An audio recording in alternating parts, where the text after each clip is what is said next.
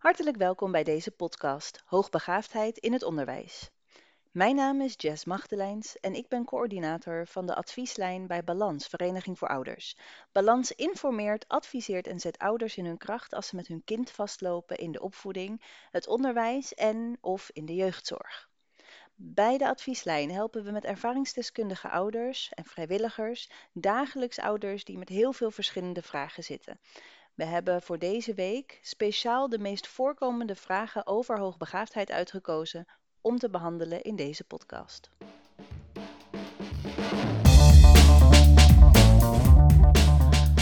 Hallo en welkom bij deze podcast over hoogbegaafdheid en passend onderwijs. Mijn naam is Jess en ik zit hier met Willy de Heer, expert in hoogbegaafdheid, en Karin van Ooyen, ervaringsdeskundige ouder met veel kennis op gebied van passend onderwijs. Ze mogen zichzelf zo kort even voorstellen. Deze podcast is speciaal gemaakt voor de Week van de Hoogbegaafdheid. Willy, ik begin bij jou. Wie ben je? Wat doe je? Hallo Jess, dankjewel. Uh, mijn naam is dus Willy de Heer. Ik ben in 2017 gepromoveerd op het onderwijs aan kinderen die van zichzelf makkelijk leren ofwel hoogbegaafd zijn. En uh, ja, sindsdien heb ik kenniscentrum voor makkelijk lerende opgericht om via het kenniscentrum veel informatie te verspreiden. Uh, via de website. En voordat ik ben gepromoveerd uh, op dit onderwerp, was ik werkzaam in enerzijds de gezondheidszorg en anderzijds ook in het onderwijs. Oké, dankjewel Willy. Willy heeft overigens drie boeken geschreven en uitgebracht. En als je meedoet en blijft luisteren tot het eind van de podcast, komt er op een gegeven moment een prijsvraag langs en dan kan je een van haar boeken winnen. Karin, wie ben je? Wat doe je? Hoi, ik ben Karin, uh, ervaringsdeskundige ouder, uh, mag ik wel zeggen, denk ik, met uh, twee kinderen die hoogbegaafd zijn, waarvan de oudste op vijfjarige leeftijd een misdiagnose heeft, heeft gekregen. En um, ja, daar behoorlijk wat last van, van heeft gekregen door een, eigenlijk een niet passende benadering en ook veel verschillende scholen. En um, ja, uiteindelijk is vastgesteld dat hij PTSS-gerelateerde klachten had uh, gerelateerd aan school. Daardoor, en um, ik ben toen gaan verdiepen in hoogbegaafdheid, maar ook in het onderwijs, recht op onderwijs, eh, hoe al het onderwijsrecht in elkaar zit. Presentaties gaan geven met een andere ouder die ook leerkracht is. En um, ja, zo het hele land eigenlijk uh, rondgetuurd. En inmiddels werk ik bij, bij Balansvereniging voor Ouders om ja, nog meer ouders te kunnen helpen, hopelijk. Nou, zowel Karin en Willy, welkom en ook welkom luisteraars. Um, een van de mythes is dat uh, als hoogbegaafde uh, je het altijd wel makkelijk hebt op school, want je bent toch zo slim. En toch zijn er veel kinderen die vastlopen in het onderwijs en zelfs af en toe thuis komen te zitten. En aan de hand van de meest voorkomende vragen bij de balansadvieslijn hebben wij een lijstje van vragen gemaakt. Uh, en die wil ik graag even met jullie bespreken. Um, als ik kijk naar de eerste vraag, dan, uh, dan uh, belt er een, uh, een ouder. Um, en die heeft zijn of haar kind getest. En die IQ-test die geeft dan een hoge score aan. een van de voorbeelden van ouders die belden was dat een kind meer dan 145 punten op die IQ-test scoorde. Maar school vond dat moeder niet mag beweren dat dat kind daarmee hoogbegaafd was. Hoe ga je om met ongeloof vanuit school en het gebrek aan vertrouwen in de uitslag van zo'n IQ-test? Willy, kan je daar uh, wat over vertellen? Ja, dat is lastig. Hoe ga je om met ongeloof van de school? Dat is altijd een heel ingewikkeld punt. Kijk, zo'n IQ-test is natuurlijk niet altijd dat als je zegt, ik heb een uitslag van 130, dan is je IQ, je intelligentie is niet meteen 130. Dus er is altijd een betrouwbaarheidsinterval in. Hè, dit kan minder zijn en het kan meer zijn. En dat is een punt dat uh, nog wel eens wordt aangegrepen. Zeggen, ja, de uitslag op zo'n IQ-test zegt niet zoveel. 145 plus, ja, er zijn niet zoveel kinderen die zo'n hoge uitslag hebben. Dus die test is niet helemaal zo betrouwbaar. Dat, dat is natuurlijk uh, één kant van het verhaal. Want zo'n test geeft wel iets aan. Het geeft wel degelijk aan dat het kind veel meer dan gemiddeld slim is. En dat het ook de uitslag ook onder druk staat van stress die zo'n kind heeft tijdens zo'n IQ-test. En dat hij misschien zelfs al op school of in zijn omgeving te maken heeft gehad met het gevoel dat hij niet erbij paste, waardoor hij zich zeg maar, qua ontwikkeling ook op achterstand kwam te staan. waardoor hij misschien zelfs hoger had kunnen testen als hij goed in zijn vel had gezeten. Of ja, in, elk geval wat ik daarmee wil aangeven, is dat zo'n IQ-test, zo'n getal is niet een hard getal. Maar als je zo'n uitslag hebt van een, uh, van een bureau en het is getest door een uh, officiële psycholoog, dan moet je daar zeker als school nauwkeurig naar kijken en goed mee omgaan. Want zo'n test is niet niks. Zo'n uitslag zegt niet niks. Het zegt heel veel. En dit kind, deze uitslag geeft aan dat een kind in een klas met gemiddeld lerende kinderen ver uit de boot valt en gewoon niet aan zijn trekken komt. En dan kom je er niet mee weg om te zeggen, nou ik geloof dat niet.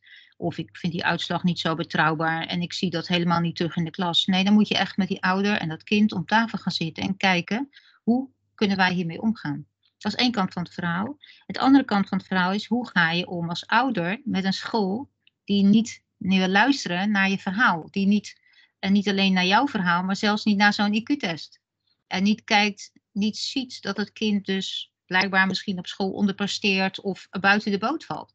Nou, dat is wel een hele lastige, want dat, ja, dat is niet zomaar één antwoord op te geven. Maar belangrijk is wel dat je probeert om niet in een uh, al te heftige vechthouding te komen, omdat je natuurlijk voor je kind gaat. Het is natuurlijk wel heel belangrijk dat het kind goed in zijn vel zit. Maar met heel veel strijd los je ook niet alles op. Dus het is belangrijk dat je goed in, in gesprek blijft gaan met de school. En uh, wellicht een deskundige inroept om jouw verhaal te ondersteunen.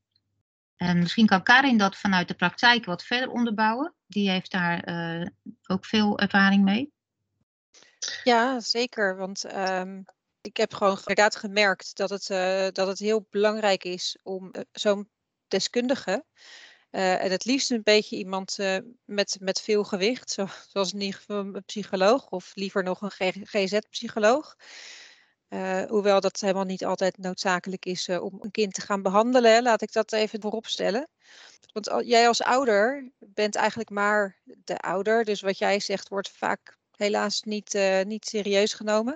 Het helpt wel als een, als een professional dat ja, als je die echt meeneemt in een gesprek en dat die dingen kan, kan uitleggen mijn ervaring is dat er dan wel beter naar wordt geluisterd. Het is wel zo dat als een school niet wil, als je merkt dat de school echt niet wil, dan is het ook heel erg moeilijk om dat wel voor elkaar te krijgen. Dus daarom is het ja, fijn om zo vroeg mogelijk in het proces, als, het nog, hè, als je nog gewoon goed met elkaar omgaat, hopelijk uh, ja, op een, ja, toch te proberen om die school te, te bewegen en ook te kijken van wat zit er nou, waarom ze zo'n houding hebben. Daar ja, kunnen ook allerlei oorzaken voor zijn. Um, wat ook misschien een idee kan zijn is om, om te kijken binnen het samenwerkingsverband of er iemand is die bijvoorbeeld een ETCHA-specialist is. Nou wil dat ook echt niet altijd alles zeggen dat als je een ETCHA-opleiding hebt dat het dan altijd perfect is. Maar goed, het kan helpen om iemand binnen het onderwijsveld uh, mee te nemen naar zo'n gesprek. Dat, uh, ja, kan helpen, zeg ik nogmaals. Het wil niet zeggen dat het ook uh, per se werkt. Nog even een uh, wat ongevraagd advies uh, ook van mijn kant. Ik zou willen adviseren, dat doen we bij als balans regelmatig, is om niet meteen het hele onderzoeksverslag te gaan delen met de school, maar alleen de conclusie en het advies. soms staan er ook heel persoonlijke dingen in het, in het verslag en dat is niet altijd fijn als dat gewoon gaat zwerven in, in, een, in een dossier. Dankjewel. Um, nou zit ik naar jullie te luisteren en het eerste wat ik denk is, oké, je bent slim en je test hoog op een IQ-test. Maar dat is niet het probleem waar ouders mee bellen. De ouders die bellen naar de advieslijn hebben niet als klacht dat hun kind hoog intelligent is. Dat is niet waar ze tegenaan lopen. Het zit hem vaak in het gedrag van verveling of frustratie. Um, of dat school niet meewerkt. Kunnen jullie hier wat over vertellen? Ja, uh, ik hoor je zeggen van ja, het kind is slim. Maar dat is niet altijd per se wat er uh, zichtbaar is. Uh, wat hoogbegaafd zijn is meer zijn dan gewoon slim zijn. Je hebt er ook allerlei andere kenmerken die daarbij horen. Uh, de overexcitabilities, bijvoorbeeld. Dus het uh, meer gevoelig zijn voor, voor geluiden, voor uh, nou, allerlei andere soorten prikkels. Ook heel empathisch zijn vaak. Ze kunnen soms ook heel erg um, ja, de dingen van anderen heel erg aanvoelen en uh, ja, raken daarvan in de war. Dus uh, het is niet, echt niet alleen maar slim. En ze, ze presteren natuurlijk ook niet altijd uh, goed in het schoolse systeem. Dus het, de hoogbegaafde kinderen die hebben niet altijd een enorm hoge CITO-score bijvoorbeeld. Nee, absoluut niet. Nee, daar ben ik het mee eens. Het is ook heel erg. Uh, kijk, die intelligentie, die IQ, dat zegt niet alleen iets over of je cognitief iets, iets makkelijk kan. Maar het zegt over heel veel dingen wat. Want heel veel processen gaan in jouw lijf gewoon veel sneller. En om dat te verduidelijken, doe ik, dan vertel ik vaak, ik heb vroeger ook gewerkt in een thuis voor mensen met een verstandelijke beperking. Nou, als je daar rondloopt en je ziet die mensen die daar zitten, als je die op, in een gewone klas op de basisschool zou uh, neerzetten en zeggen, nou, doe maar gewoon mee met de rest en presteer maar net als de rest, dan weet je dat dat werkt niet zo. Want het werkt niet alleen cognitief niet zo, maar ze kunnen ook qua communicatie en uh, qua gevoel, hoe zij de omgeving waarnemen, gaan zij anders om met hun omgeving dan uh, gemiddeld lerende kinderen. En datzelfde geldt voor kinderen die hoogbegaafd zijn of zeer makkelijk leren. Ook zij communiceren anders. En ook zij voelen de omgeving anders aan het is, dat is, die intelligentie is daarmee helemaal verweven, verbonden. Dat, dat, dat kan je niet loszien. Dat is niet alleen cognitief. Dank je voor deze mooie aanvulling, Willy. Graag gedaan. Ja, op het moment dat een school zegt, um, ja, wij weten eigenlijk al wel hoe we met hoogbegaafde kinderen om moeten gaan, want we hebben wel eens een hoogbegaafd kind uh, op, uh, op onze school gehad. Um, maar jouw kind uh, doet het niet foutloos en we willen ondanks de hoge scores niet versnellen of verbreden. Wat kan je dan doen zodat school wel het advies serieus neemt of daar wel iets mee doet? Willy? Um, als zij ervan uitgaan dat ze alle kennis in huis hebben, dan zou ik eerst eens even willen vragen als ouder. Van nou, wat is die kennis dan? En hoe gaan jullie dan met kinderen om? En wat staat in jullie beleid, jullie schoolbeleidsplan? En, uh, want één kind ooit gehad op school, dat is geen goed voorbeeld. Want ene kind is het andere helemaal eh, niet. Hoogbegaafden lijken net als gemiddeld lerende ook allemaal niet op elkaar. En de een heeft meer dit en de ander heeft meer dat. Dus ja, dat kan je niet zomaar zeggen. We hebben ooit een keer een kind gehad, dus wij weten eh, hoe we ermee om moeten gaan. En waarschijnlijk zal het allemaal uit goede wil zijn. Hè? Want ik ga ervan uit dat zo'n leraar ook wil dat zo'n kind na zijn zin heeft en goed presteert en gewoon lekker in zijn vel zit. Maar ze zien maar een deel van het kind. Alleen het kind dat overdag is en wat zich aanpast aan de omgeving. Het ene kind wordt daar heel stil van en trekt zich terug en die laat niet meer zien wat ze in huis hebben. En de ander wordt heel druk, krijgt heel druk gedrag. En uh, ja, wordt vervelend voor die leraar. Tenminste, kan vervelend gedrag vertonen, laat ik het zo zeggen. Dus ze zien maar één kant van het verhaal, maar ze zien soms niet het kant van het verhaal van de ouder thuis, waarbij die een kind thuis krijgen die enorm overstuur is, uh, want er is weer van alles gebeurd op school. Een kind heeft alles heel hard voelen binnenkomen. Of huilend in bed ligt, want ja, morgen moet ik weer naar school en ik wil dat helemaal niet. Dat, die kant van het verhaal zien ze niet. En dat moet je als school ook serieus nemen. Je moet met de ouder in gesprek en met het kind in gesprek van hoe zit jij in je vel op school en thuis en wat kunnen wij doen om jou te begeleiden, om jou verder te laten ontwikkelen? Want dat is wat de school hoort te doen. Een verdergaande ontwikkeling. Niet alleen op cognitief gebied, maar ook op emotioneel gebied, sociaal gebied, op alle gebieden. Ook op creatief gebied, noem het op. En uh, dus ja, daar moet de school voor openstaan. En als ze daar helemaal niet voor openstaan, dan zou ik als ouder toch gaan doorvragen. Nou, wat is jullie ervaring dan? En hebben jullie daar dan uh, uh, bewijzen voor? Nou, bewijzen klinkt misschien hard, maar kunnen jullie wat laten zien? En aantonen wat jullie van plan zijn met, met mijn kind? Uh, ja, daar wil je dan wel duidelijkheid over hebben. Wat goed nog dat je even benoemt de sociaal en emotioneel apart van elkaar. Want wat je ook natuurlijk heel vaak ziet is dus de sociaal-emotionele ontwikkeling. Maar het zijn natuurlijk twee verschillende ontwikkelingsgebieden hè, die natuurlijk met elkaar in verband staan. Maar ja, je kunt ze eigenlijk niet in één adem noemen, vind ik. Nee, zeker niet. En Karin, heb jij nog tips? Hoe zou je school mee kunnen krijgen? Uh, nou ja, wat ik net al zei, door, die, door zo'n deskundige mee te nemen en ook te zoeken binnen de school iemand die misschien is er wel een, een andere leerkracht van een jaar daarvoor of die jouw kind wel heel goed zag of die waar je het goed mee kon vinden, misschien dat die een rol kan spelen om, om daarmee te helpen. Um, ja, en ook zoeken naar uh, het waarom. En ook aan de school vragen, wat heb je eventueel nodig om het te kunnen? Kan ik iets voor je doen? Heel mooi. Willy, uh, soms krijg ik uh, bij de advieslijn de vraag: we moeten elk half jaar of elk jaar een IQ-test laten doen. Dan moeten we allemaal wel zelf betalen, maar dat zijn allemaal maar momentopnames. Um, in hoeverre klopt dat? Heeft een IQ-test een houdbaarheidstermijn? Ja hoor, in het algemeen wordt door psychologen een houdbaarheidstermijn van twee jaar aangehouden.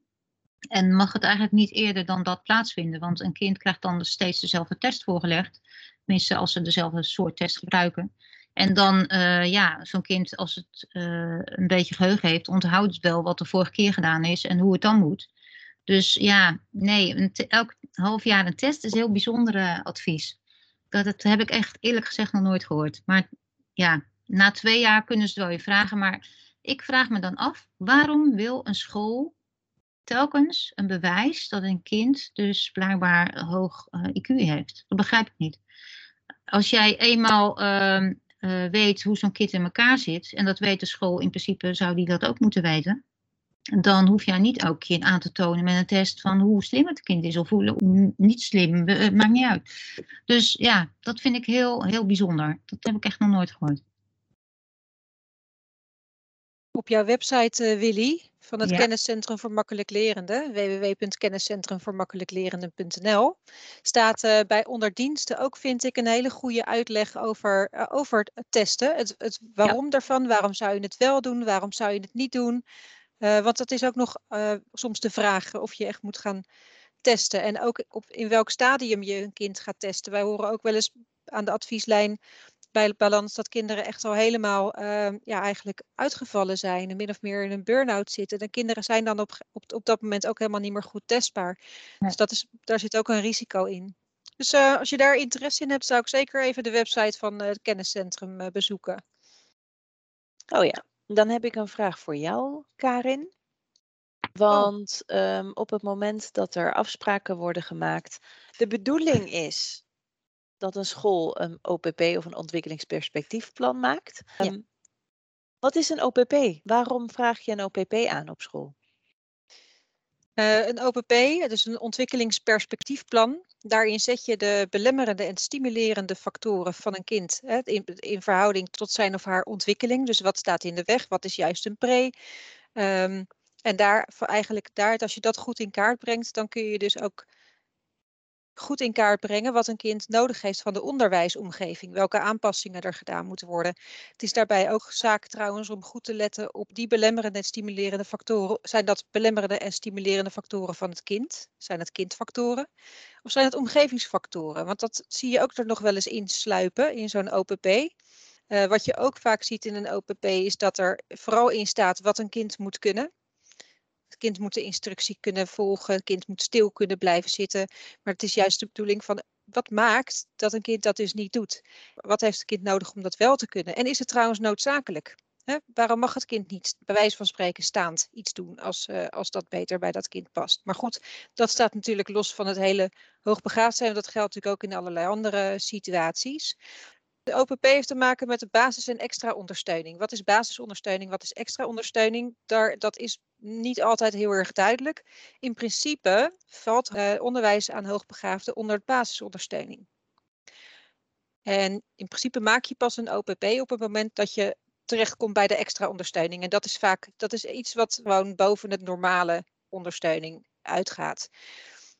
Alleen wat je ook wel ziet is dat in een schoolgids bijvoorbeeld, of hè, dat een school aangeeft van wij hebben deze vorm van ondersteuning voor uh, leerlingen, maar in de praktijk is het er dan niet. Want die plusklas is nou net opgeheven vorig jaar, of, of wat dan ook. Er gebeurt van, uh, van alles.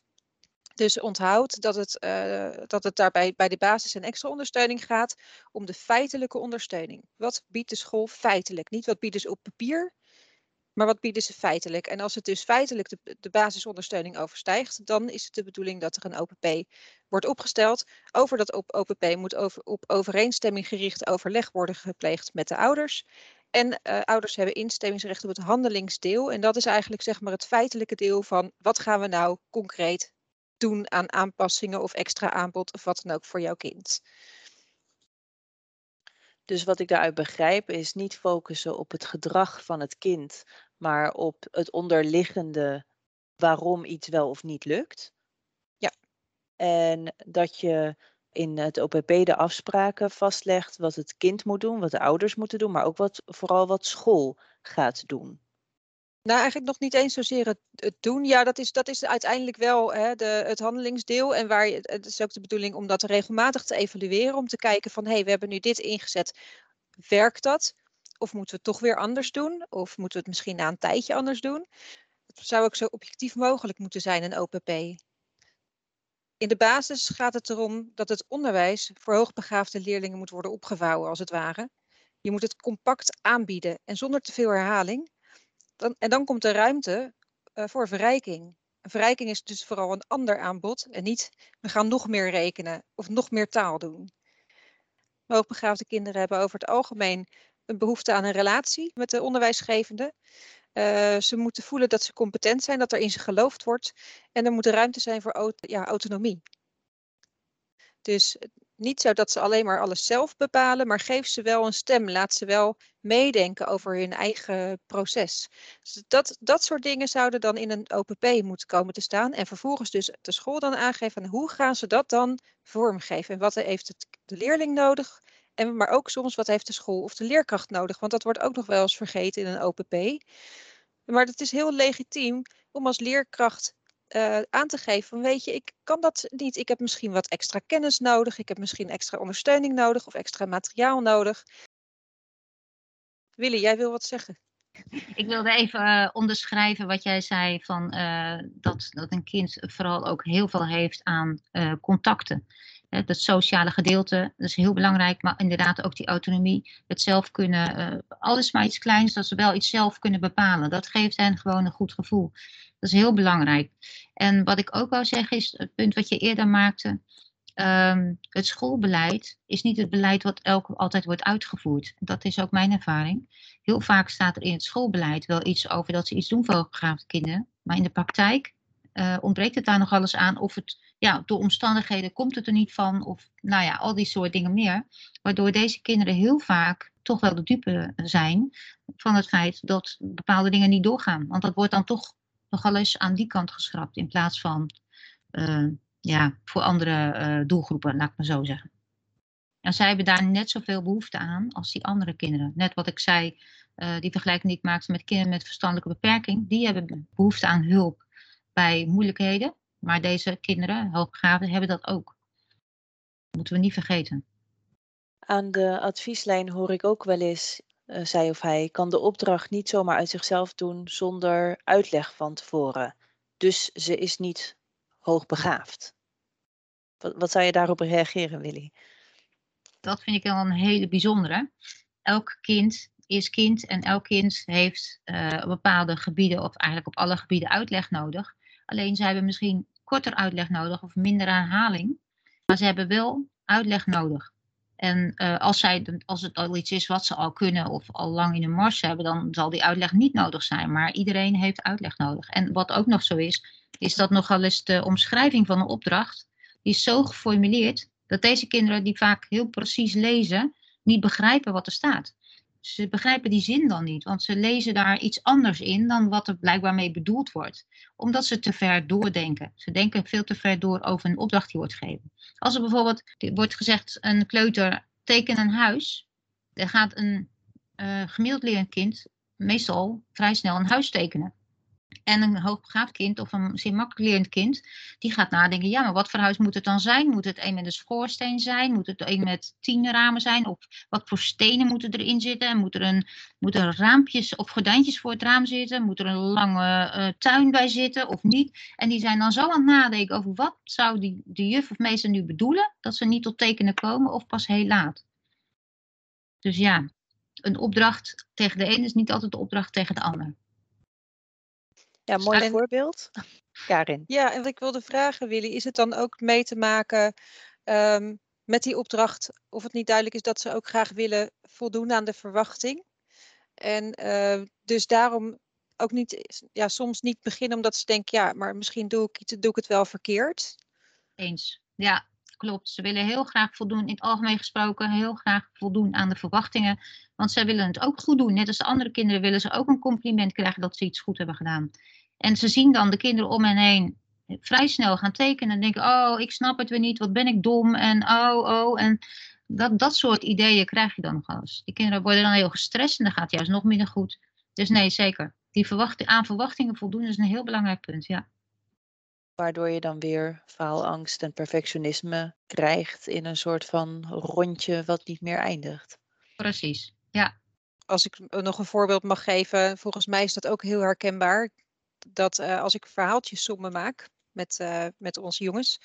En er staat bijvoorbeeld eh, iemand koopt 26 flesjes eh, hand sanitizer. Waarom koopt iemand 26 flesjes?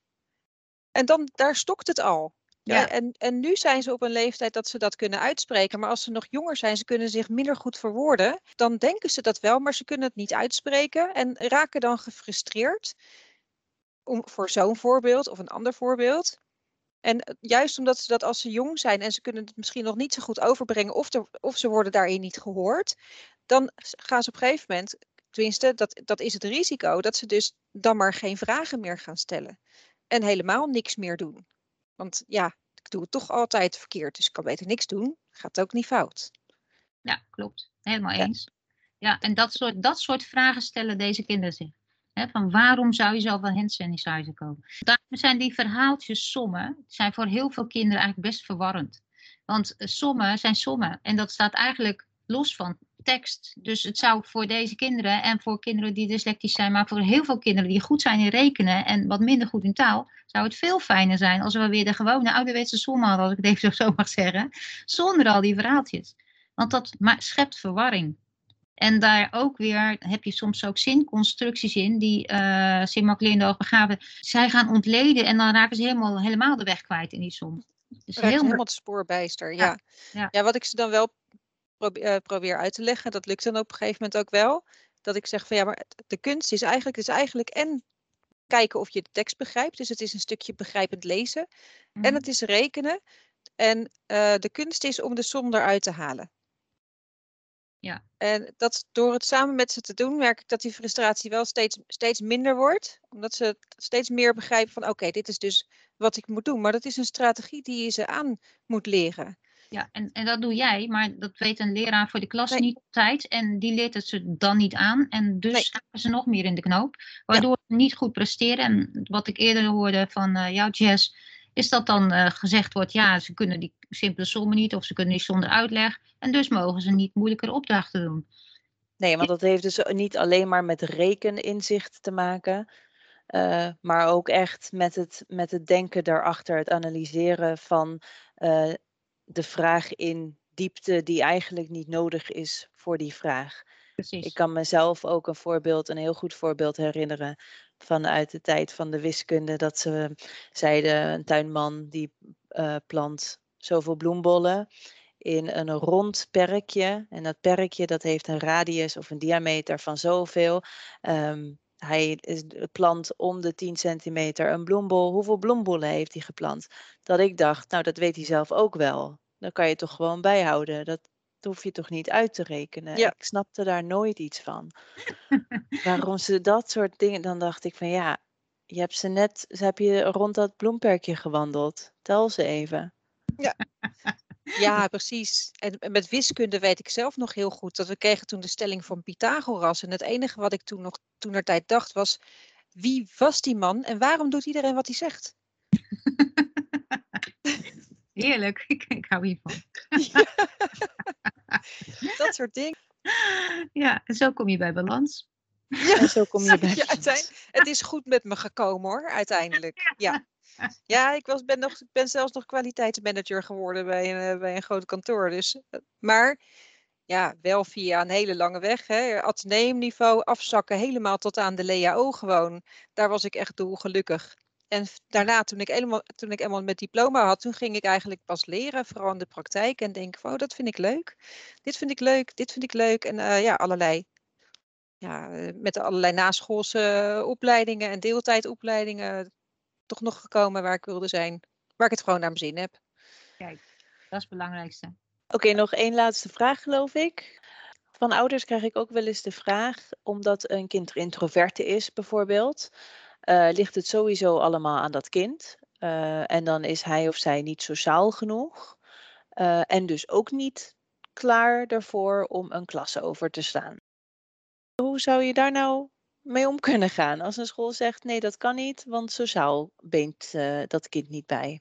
Ja, dat is een hele opvallende. Uh, dat is namelijk ook een, uh, een, vraag die ook wel eens beantwoord in wetenschappelijk onderzoek. Daar is heel goed naar gekeken. Het is juist zo dat als een kind cognitief gewoon helemaal niet op de goede plek zit, dat ze dan, wat we eerder al zeiden, juist heel teruggetrokken kunnen worden of juist heel druk. Hè? Dus hun gedrag en sociaal en emotioneel hebben ze het gewoon heel moeilijk. En dan lijkt het alsof zij niet goed met leeftijdsgenoten of uh, klasgenoten of hoe wat dan ook kunnen omgaan. En dan is dat inderdaad vaak een reden om een kind niet te versnellen. Maar eigenlijk is vaak het omgekeerde het geval. Als je zo'n kind versnelt, dan zal je zien dat het niet alleen cognitief beter in zijn vel komt te zitten, maar ook sociaal en ook emotioneel. Dus ook juist in die gevallen is het heel belangrijk om zo'n kind wel te versnellen. En dat is eigenlijk een mythe die uh, al, ja, al lang geleden al is doorgeprikt. Um, want ja, in het onderwijs is men wel gewend om juist die kinderen te versnellen die sociaal en emotioneel en cognitief goed in de vel zitten. Maar juist die kinderen die juist in de verdrukking zitten, die worden dan niet uh, versneld. En echt zo jammer, want juist zij hebben het nodig. Ja, dat is een groot misverstand. Dat is echt al lang uit de weg geholpen. Dat is echt een mythe. Dus dat kunnen we wel een keer behandelen bij de mythes. Oh, dat is een heel goed idee. Ja, en Je hebt toch ook dat document van um, hoogbegaafde kinderen versnellen niet? Want het wordt versnellen genoemd, maar in principe is het gewoon aansluiten bij, bij het niveau wat het kind heeft. Precies. Ja. Volgens mij wordt er ook veel te weinig uh, goed doorgetoetst. Om te kijken welk niveau een kind nou zit. En dat kan natuurlijk ook verschillende vakken ook verschillende niveaus zijn. In principe zou je daarbij moeten aansluiten. Want ieder kind heeft ook staat in de wet primair onderwijs, eh, artikel 8, geloof ik uit mijn hoofd. Het onderwijs wordt zodanig ingericht dat het is afgestemd op de ontwikkeling van de leerling. En um, op het moment dat, dat je een kind eigenlijk in de cognitieve ontwikkeling en misschien ook wel in de sociale en emotionele ontwikkeling, ja, die onderbreek je dan eigenlijk als je niet aansluit bij het niveau wat een kind heeft. En dus het is misschien ook niet altijd per se een antwoord om een hele klas over te slaan, maar geef het kind werk op het niveau wat bij hem of haar past. En geef dan die verkorte uitleg en geef het gecompact. Dus laat ze niet herhalen dingen die ze al weten. Mm Want dat uh, is ook een grote frustratie vaak uh, voor ze. En eigenlijk kan je dat heel mooi voor zijn. Hè? Op het moment dat een kind naar school gaat, als dan de school uh, zeg maar de ouders een vragenlijst zou voorleggen over de ontwikkeling van hoe heeft het kind zich de afgelopen vier jaar zeg maar, ontwikkeld op sociaal, emotioneel en cognitief gebied, dan kun je eigenlijk als school, als je dan naar die lijst kijkt, al inschatten van hé, hey, dit kind heeft een andere uh, ontwikkeling doorgemaakt dan de gemiddeld lerende. En dan kun je al meteen erop aansluiten. En dat is ook eigenlijk wat Tom Mooi en Meertijd zegt. Geef die vragenlijst. Kijk als leraar na vier weken als een kind vier weken op school zit, uh, er nog een keer naar. Hoe zou jij hem invullen? En zie je dat een kind nu gestagneerd is in ontwikkeling op een bepaald gebied, dan gaat er iets niet goed, dan moet je dat gaan aanpassen. Gaat het wel goed, ontwikkelt het kind zich wel verder gaan, dan hoeft dat niet. Maar als je al vanaf het begin dat een kind naar school gaat, weet hoe een kind zich heeft ontwikkeld de afgelopen jaar, dan weet je eigenlijk als school, hier moet ik wat mee. En dat is heel belangrijk, want dan kun je een heleboel ellende voorkomen eigenlijk. En als een kind net uh, vier of vijf is, net is begonnen met school, er wordt geconstateerd dat hij of zij vrij vlot meekomt en al uh, werkjes maakt van hogere groepen, zou jij dan zeggen meteen versnellen of hoe pak je dat aan als ouder? Als ouder, dat is uh, een lastige. Als ouder moet je gewoon met de leraar om tafel gaan zitten en samen kijken hoe is dit nou het beste aan te pakken. je zit in veel scholen in Nederland gevangen in dat leerstof-klassensysteem waarbij elk jaar krijgt de klas dezelfde, van ongeveer dezelfde leeftijd ongeveer dezelfde stof voorgelegd. En dat is het lastige voor deze kinderen, want die vallen niet in die groepen die ja, bij gemiddeld lerende horen. Dus kun je samen met school, dat zou is ook het beste, dat je als ouder en school samen kijkt naar de ontwikkeling van het kind en kijkt hoe kunnen we samen zorgen dat dit kind zich verder gaat ontwikkelen. En dan kun je zeggen, nou, qua sociaal zou die toch wat meer ook met deze groep kinderen kunnen omgaan. En ehm, op cognitief gebied moet hij daar uitdaging hebben. En ja, zo kan je steeds verder gaan. Dus je moet het eigenlijk met z'n allen in een soort driehoek moet je bekijken. Dat is het beste. En ook met het kind praten. Dus steeds in samenspraak, steeds behoeftes van het kind op nummer één zetten. En gewoon per situatie bekijken, wat gaan we hier nu verder mee doen? Ja, klopt. Inderdaad, ja ziet wel heel vaak dat kinderen die uh, van zichzelf uh, heel makkelijk leren, dat die ook vaak uh, aansluiting hebben bij oudere kinderen. Omdat zij ook andere dingen leuk vinden dan hun leeftijdsgenoten. En ook anders over dingen nadenken. Wat we net al zeiden, soms ook al over leven en dood nadenken op hele jonge leeftijd. En um, ja, dan in dat opzicht passen zij beter bij kinderen die wat ouder zijn, omdat die dat ook wat ouder zijn als ze dat gaan doen. Dus vandaar dat die ma dat maatwerk zo belangrijk is.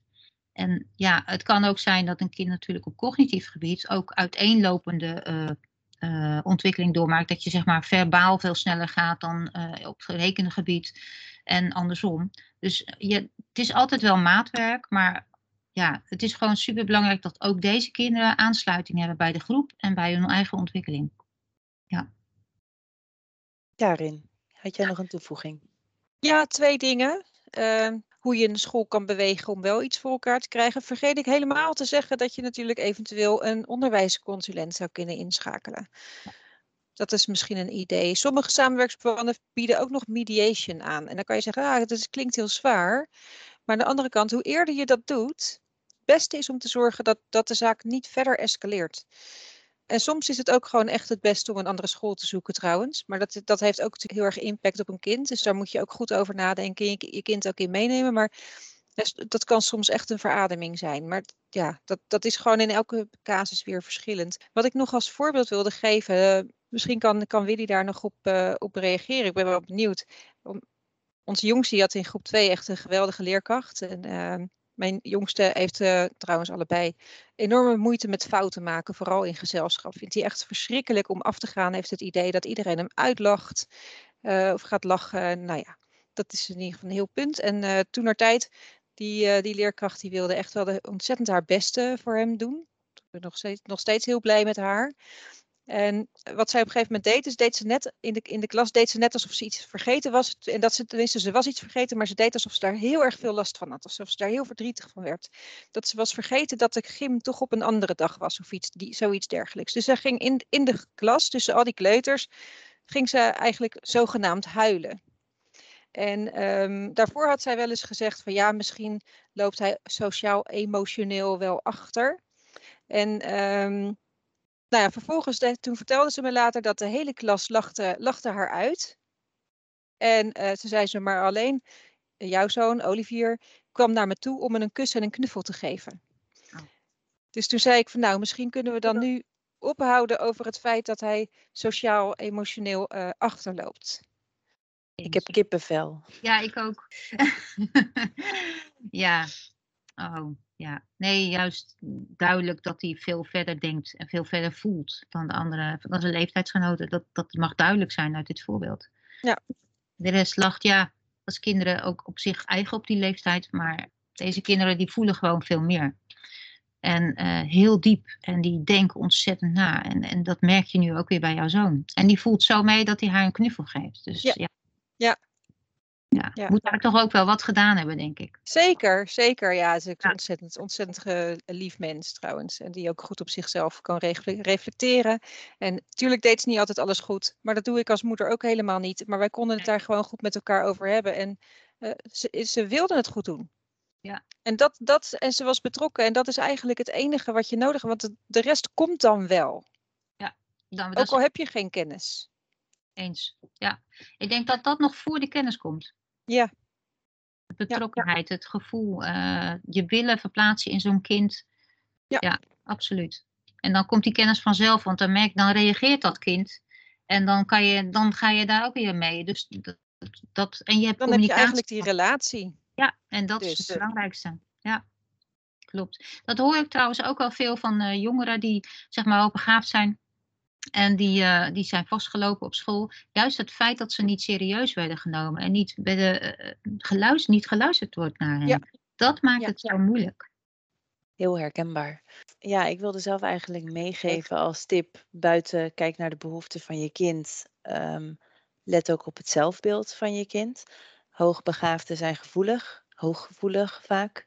Eh, wa- wat jij al zei, Willy, leven intens, voelen alles intens.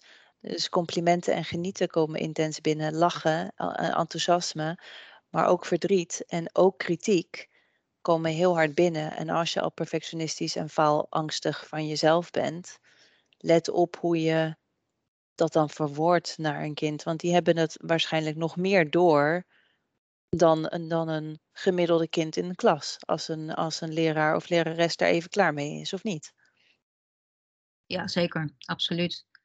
Dat hebben ze veel meer door. Ja, en eigenlijk na wat, naar aanleiding van wat jij zei, wil ik de ouders ook meegeven. Geniet ook van je kind. Want je kunt ontzettend van genieten en zij voelen dat ook weer aan dat jij van hen geniet. Dat maakt hen ook gelukkig en warm. Ja, dat vind ik heel belangrijk om ook even mee te geven. Karin, heb jij nog een laatste tip voor eh, onze luisterende ouders? Nou, ik vind Willy's tip eigenlijk wel heel erg mooi eh, om daarmee af te sluiten.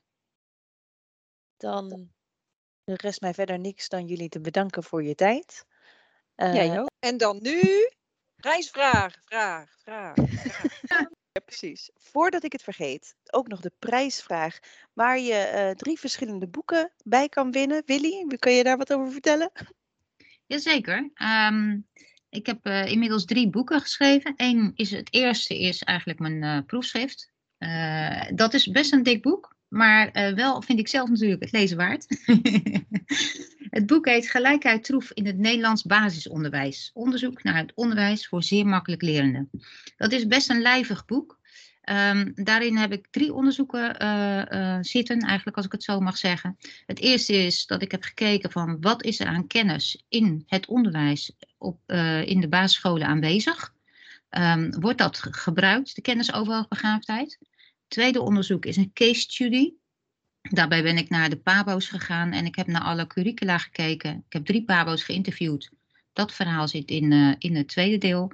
En het derde deel, daar heb ik het onderwijsbeleid van de overheid onderzocht. En dat is gebaseerd natuurlijk op de overtuigingen die mensen hebben in de samenleving. Over zowel hoogbegaafde leerlingen als leerlingen die eh, ja, verstandelijke beperking hebben. Die overtuigingen komen voor een groot deel overeen. En, maar ook weer niet. En dat heb ik dus eh, beschreven in het derde deel. En dat is van 1813 tot 2015 is daarin verpakt. Dat is dus mijn proefschrift. Ehm, daar moet je van houden om te lezen natuurlijk. Maar het is wel bijzonder lezenswaardig, vind ik zelf.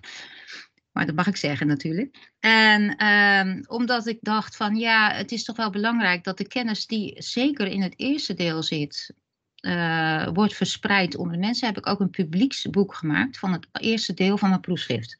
En dat heet Onderwijs aan zeer makkelijk lerende of hoogbegaafden, een overzicht van de wetenschappelijke kennis. Dat is vooral geschreven ja, voor ouders, voor mensen die geïnteresseerd zijn en ook voor mensen in het onderwijs natuurlijk. Of jeugdzorg, wie dan ook. En vorig jaar, in september, heb ik nog een eh, boek geschreven. Dat is vooral gericht op het onderwijs. Ehm, dat gaat over en basis- en middelbaar onderwijs. Daarin heb ik in eh, verwoord, het boek heet Alle leerlingen bij de les. Voorkom vastlopen van moeilijk en makkelijk leren. Wat ik heb gemerkt ook eh, toen ik mijn proefschrift schreef, is dat eh, moeilijk en makkelijk lerenden tegen dezelfde soort problemen aanlopen in het onderwijs. Ze moeten allemaal voldoen aan een bepaald de eisen en, en voorwaarden die gesteld worden aan gemiddeld lerenden. En dat is voor beide groepen heel moeilijk. En in dit boek leg ik uit waarom dat moeilijk is, tegen welke problemen ze aanlopen, hoe dat uitwerkt op deze leerlingen en hoe je daar in het onderwijs uh, op zodanige manier mee kan omgaan dat die problemen ofwel niet voorkomen of veel minder. Dus dat is het derde boek. Nou, super Willy. En hoe kan je nou een van die boeken winnen? Dan schrijf je een leuke anekdote over iemand met hoogbegaafdheid. Dat mag ook over jezelf zijn, iemand in je klas of uh, een leerling in je klas of op werk. En die leuke anekdote mag je sturen naar info apenstaartje kenniscentrum voor makkelijklerende.nl onder vermelding van podcastprijsvraag hoogbegaafdheid. Als je de, het e-mailadres bent vergeten, kun je altijd op de website kijken van Kenniscentrum voor Makkelijk Lerende. Ja, geef even aan welk boek je zou willen ontvangen en dan komt het helemaal goed. Als je nog vragen hebt naar aanleiding van deze podcast, stuur deze dan naar ail.balansdigitaal.nl.